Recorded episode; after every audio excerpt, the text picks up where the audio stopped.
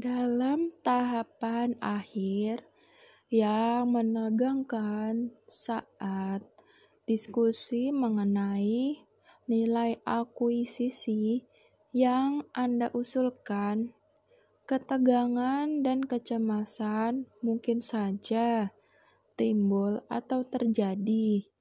Tuntutan dan tekanan yang terjadi dalam proses mencapai keberhasilan dalam negosiasi akuisisi bisa jadi membuat kecemasan itu muncul.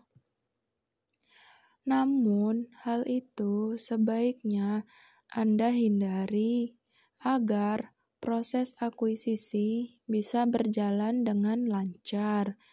Jadi, ingatlah bahwa kegelisahan atau ketidaksabaran itu ada batasnya.